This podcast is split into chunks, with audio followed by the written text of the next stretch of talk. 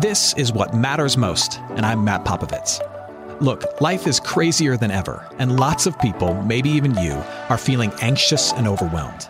Today's message is designed to help you figure out what's most important and to experience the peace and joy that God intends for you. Because life is a gift, and it shouldn't be wasted on worry. I'd like to give you a resource, something to help you navigate the road ahead. Just go to mattpopovits.com, click on the icon, and we'll send it to you. That's Matt, P-O-P-O-V-I-T-S dot com. And hey, if you happen to live in the Houston area, I'd love to see you on a Sunday morning at St. Mark in Spring Branch. Head to stmarkhouston.org to plan your visit. Here's today's message. Thanks for listening. So, people aren't reading the Bible. They aren't. People aren't reading the Bible. Any statistic you want to look at, any, any metric you want to use, uh, the case is pretty clear. Fewer and fewer, less and less people are actually opening up the scriptures and reading them. And, and they give lots of reasons for it. I mean, life is busy. Also, the Bible can seem kind of intimidating or confusing. You open it up, you get lost, you don't know where to begin. I get it. I get all of it.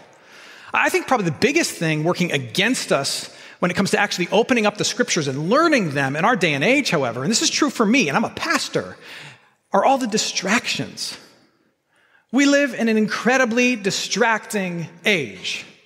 I mean, why read the Bible when you can watch the latest bingeable show on Netflix or just scroll for hours on TikTok looking at dogs that can talk?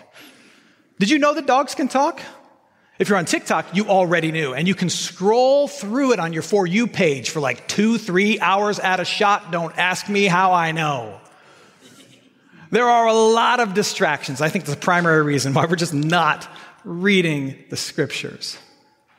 We're not reading the scriptures despite the fact that 90% of homes in the United States have a Bible inside of them. 90%.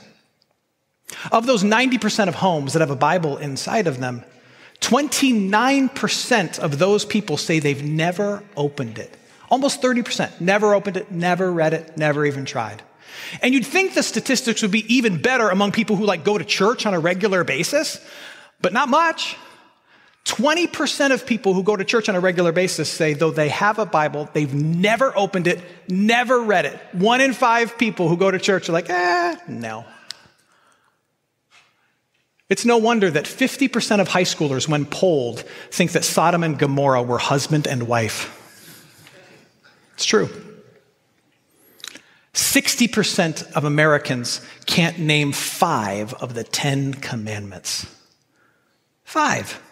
And they're not hard guys. They're like mostly really obvious things like don't kill, don't lie, don't steal. That's three right there.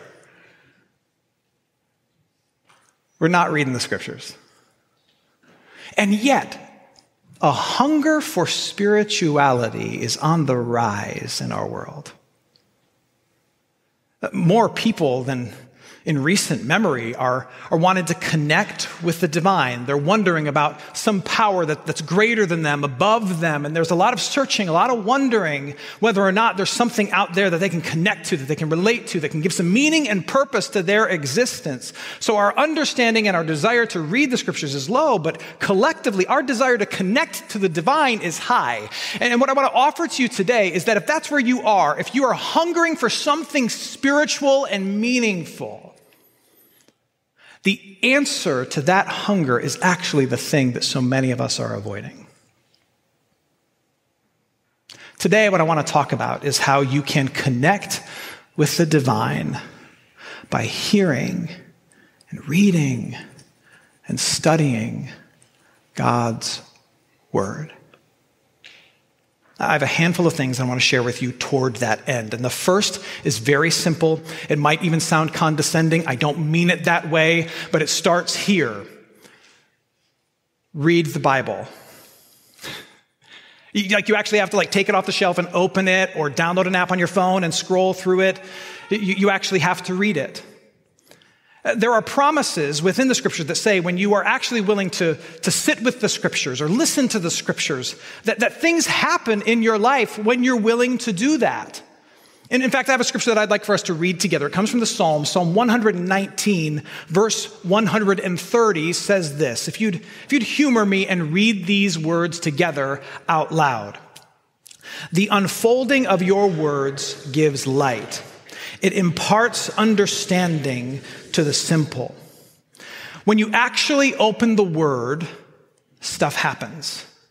So, what I want to say to you is if you don't have a Bible that you feel like you can read and understand, that's step one. Get one that makes sense to you. Perhaps it's full of notes and helps and maps and charts and all those different things that can make it come alive to you. There's podcasts full of great preaching that can proclaim the word to you. There are apps on your phone that'll give you a daily devotion, a minute by minute devotion if you want them. There are many innumerable resources for you to get God's word in your ears in your heart and in your mind. And when you put God's word before you, the promise is that stuff happens. Good stuff. Now you might be thinking, Matt, like I want an encounter with the divine. Why should I have to do anything, let alone read or listen to things in order to get an encounter with the divine? That sounds like homework. I don't know what to tell you. That's kind of how the world works. Like, if you want to get fit, you got to go to the gym. If you want to get fed, you got to belly up to the table. And here's how God works He's so kind and compassionate, we believe that He uses words, like our words, to speak His words to us. And so, if you want to hear from Him, He's made it really easy. Like, open up the scriptures and listen. But it starts with that. Like, you actually have to read. The second thing is this it's helpful if you read with the proper purpose in mind. And here's what I mean by that. The goal of reading the scriptures, the goal of studying the Bible is not to know the Bible. I'll say that again. The goal of reading the Bible is not to know the Bible. The goal of reading the scriptures is to know God. That, that's the aim. It's not about knowledge, it's about an encounter with the divine. And that was the problem with Jesus' distractors, detractors rather, as they were approaching him. They, they wanted to just study the scriptures and they thought biblical knowledge equaled salvation. Listen again to what Jesus says to them. John chapter 5, verse 39. He says, You search the scriptures because you think that in them you have eternal life. If you just know the law, the Torah, the first five books of the Bible by heart, then you're set. That's not it. It is they that bear witness about me, Jesus says. And yet you refuse to come to me that you may have eternal life. The, the thing is, the goal of the scriptures is to give you Jesus. That's the goal. Which brings me to the third thing I want to share with you. If you're desiring to read the scriptures with an encounter with the divine in mind, read it with the right purpose to encounter God. More specifically, read it with an eye toward Jesus. Every single verse, every truth in its own way, in its own context, whispers his name. Every single one. And you might say, well, Matt, where do you get that idea that the whole thing actually points to Jesus? You know where I get that from? I get that from Jesus. That's how Jesus read the Bible. Jesus read the Old Testament as pointing clearly to him. The, the Christian scriptures, the Bible itself tells a story. It's a narrative. It's the story of all things, including the time and the day in which you and I live. It's a story that goes from creation to fall to redemption or, or salvation to reclamation, which is where God is gathering up his people now under the banner of Jesus, to restoration. It starts in a garden where everything goes wrong and it ends in a city where everything is right. And where we find ourselves in this particular moment is in that era of that moment of reclamation, where God is gathering up his people around the name and in the work of Jesus Christ, and we're waiting for the restoration of all things. The scriptures tell that story over and over and over again. And at the center of that story is the person and work of Jesus Christ, his life, his death, his resurrection, and at the end, his return. He's at the center. And everything in the Old Testament points to him. And everything in the New Testament flows from him. But it's all about him. Now you might be thinking, Matt, like everything in the Old Testament is ultimately about Jesus? Everything in the whole Bible is ultimately about Jesus. But let me just prove it to you. Adam, remember Adam and Eve? Like Adam is ultimately about Jesus. Adam was the unfaithful son of God, placed in the garden, and he gets it all wrong, and everything gets screwed up as a result. Who is Jesus? Jesus is the faithful son of God who gets placed in the garden called earth, and he gets everything right, and everything is fixed through him. Moses is really about Jesus. Moses leads God's people to freedom out of captivity in Egypt. What does Jesus do? Jesus leads God's people, all of us, the whole of creation, out of captivity to sin and death and into freedom. King David is about Jesus. What did David do? David's greatest moment, he slays Goliath, right? He kills the giant and then he becomes king of God's people. What did Jesus do? He killed the Goliath. He slayed the Goliath of sin and death, and now he's king over all things. It all points to him. It's all about him. And so, as you read the scriptures, as you listen to a sermon, as you do a daily devotion, whatever it looks like for you, the question you should be asking yourself is this How does this point me to Jesus? How does this point me to Jesus? Read it, listen to it, study it with an eye for Christ. That's how we do it. Easter is on its way, and you need a place to worship. Hey, friends, it's me, Matt. And if you're in the Houston area, I invite you to celebrate Easter with me at St. Mark Houston in Spring Branch. For more information, head to stmarkhouston.com. If you're not in Houston, no problem. We're preparing an online experience that you can enjoy from anywhere in the world. Just bookmark EasterforHouston.com and you can join us live on Easter from wherever you are. The resurrection of Jesus is the most important event in history, and we'd love for you to celebrate with us. And now, back to today's message. And the next thing to keep in mind is this as you read it, be mindful, be mindful of the distinction between do and done. You know, most people approach the scriptures, really the, the whole Christian life, being mindful of do's and don'ts. Like, like, what are the rules? What are the things I can get away with and still be considered a good person? But that's not how we're to read the scriptures, and that's certainly not what the Christian life is about. Uh, there's, a, there's a distinction that's really important in understanding and being transformed by the scriptures and having an encounter with God. And it's this distinction between do and done. The, the scriptures are flowing with, filled with all of these commands, all of these expectations, both explicit and implicit, about who God wants us to be, how he wants us to live, what we're supposed to do. Those are all the do's. In our particular theological tradition, we call those the law. And they're meant to guide us and lead us, but also convict us and show us our need for Jesus. And then the other aspect of the scriptures is that there's this story within it of everything that's been done for us in Jesus Christ. He's been the faithful, obedient person that we can't be. He's, he's died sacrificially, risen from our grave. He's done all of that for us. And so, as you read the scriptures, what you do is you look at the things that give you a command, that ask something of you, that show you how things should be, how you should be. You look at that and you wrestle with it honestly and you let it kind of cut you open and convict you and show you to be a person in need of God's grace. And then what you do is you you find the trail back to Jesus where you discover that it's all been done in Him and He is the salve for that wound. He is the healing agent for that holy hurt where you've been revealed to be a broken mess of a person. You look for all that's been done and you hear that it's been finished for you in Jesus Christ and you let it soothe that wound. And that's what we do with the scriptures. Let me show you how this works, okay? Um, I'll just take two little sections of scripture. Matthew chapter 5. Jesus is giving the Sermon on the Mount, his most famous teaching. And you could make a case that in the Sermon on the Mount, it's just a bunch of do's. Jesus takes the expectation and he turns it up from a 10 to like a 12. Like the standard doesn't get lower with Jesus in the Sermon on the Mount, it gets higher. And the reason is because God's standard is impossibly high.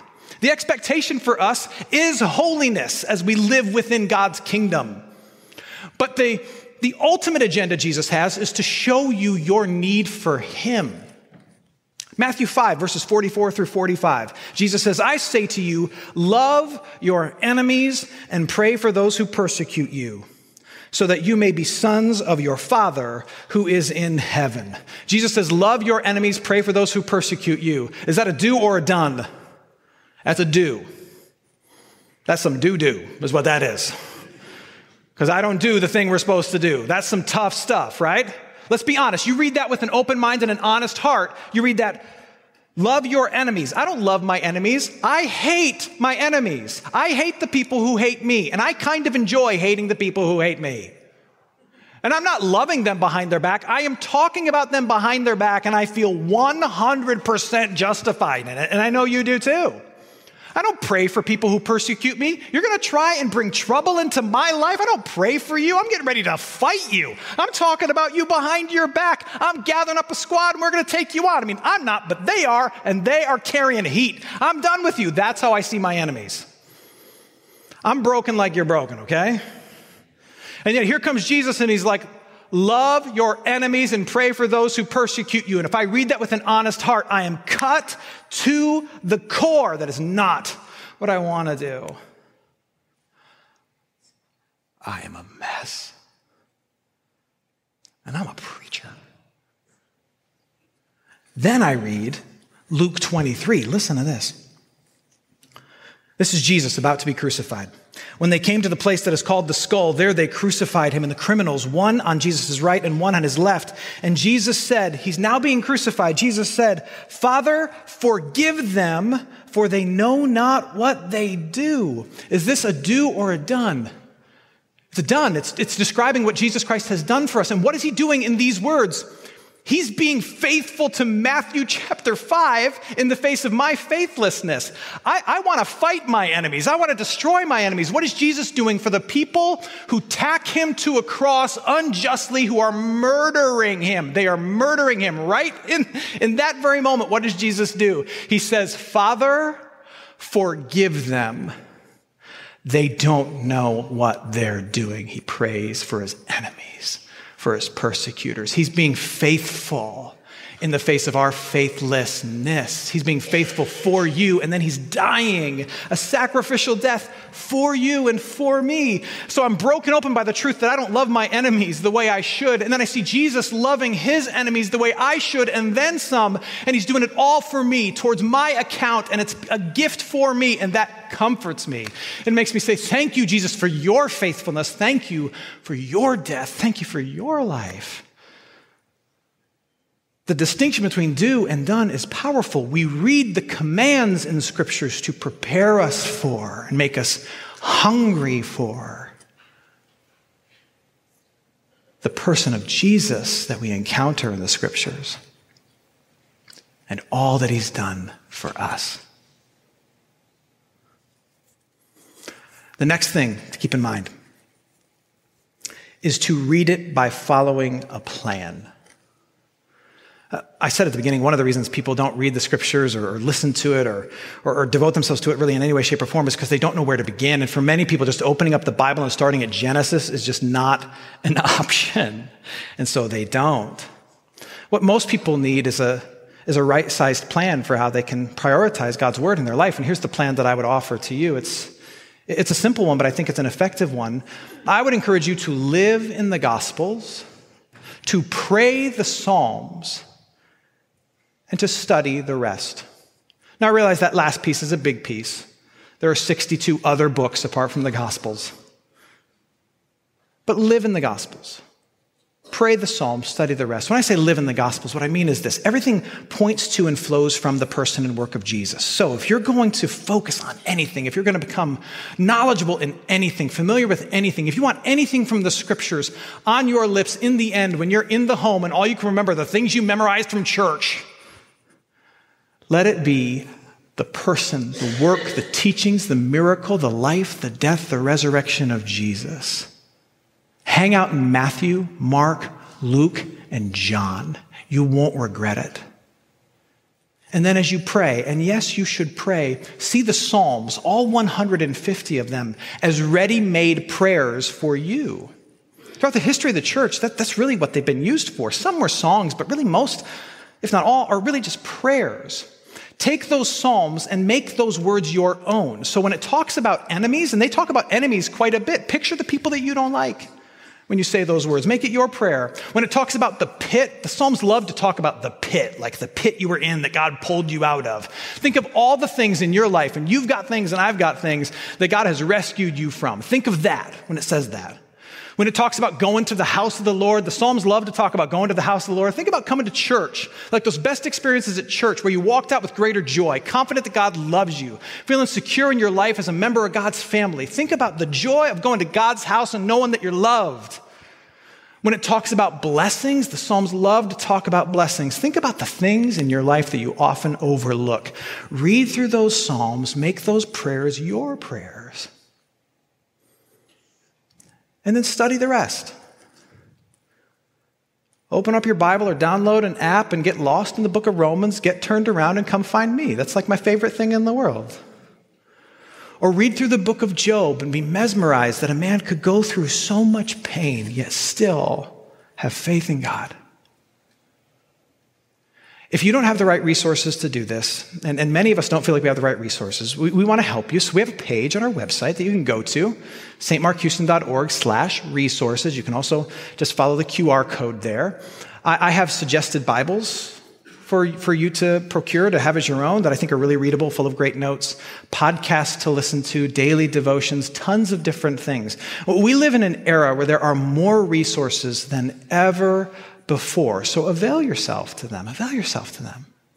Why? Because we believe that when we put God's word in front of us, stuff happens. And remember, the goal is not to know it all, because nobody likes a know it all.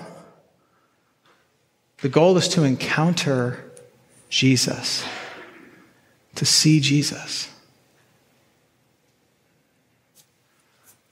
People aren't really reading the Bible anymore. And yet, the scriptures endure. God's word endures. And for those who will avail themselves of it, they are transformed. Know, people have been trying to put the Bible away and make it old news since, since it first started its circulation. One of my favorite stories from history is from the French Revolution, of all things. The famous philosopher Voltaire, he, as part of the French Revolution, he was trying to rid France of really all Christian influence. He hated the Christian faith. And one of the things he was famous for saying is that 100 years from now, 100 years from now, no one will know what a Bible is. It will be in museums purely as a piece of curiosity. That's what he said. Showed him. What's really interesting about Voltaire is that shortly after he died, his house went up for auction. And it was purchased by this growing group that needed new office space. They decided to use his home, and that group was the French Bible Society. The word of the Lord endures, and it endures because of you. I know you don't think that, but it's true. The, the word of the Lord endures, it remains. It remains being preached, it remains being printed, it remains being taught, it remains being spoken because the word of the Lord wants to get to you and to your heart and to your mind. It wants to comfort you and convict you and change you and proclaim the good news of Jesus to you. I know there are confusing parts. I know that it's really daunting, but in and with these words is God. And if you're here today and you want an encounter with the divine, I know you think you'll find a little more of God by walking in the woods or diving into your job or in the arms of a lover or being, being more mindful, whatever that means today. And at best, you'll get a glimpse. A glimpse. But if you want to know Him and hear Him and be transformed by Him, you can read the words that He's given to you and you will hear him say each and every time in many and various ways, There is much to be done. There is much to do. But all of it has been finished and done for you in Jesus Christ. And that message changes us each and every time we hear it. Let's pray. Hey, it's Matt. I hope you enjoyed what matters most. Here's what I need you to know life is a gift, and it shouldn't be wasted on worry. I want to help you figure out what's most important and to experience the peace and joy that God intends for you. So, for more content, you can head to mattpopovits.com. That's Matt, P O P O V I T S.com. There, you can also support this ministry as well as access your free resource, a little something to help you navigate the road ahead. I'd also love to see you on a Sunday morning. If you're in the Houston area, head to stmarkhouston.org to plan your visit. In the meantime, Hit me up on Instagram at mpopovits or at facebook.com slash Ministries. Thanks for listening. Now go and hold tight to what matters most.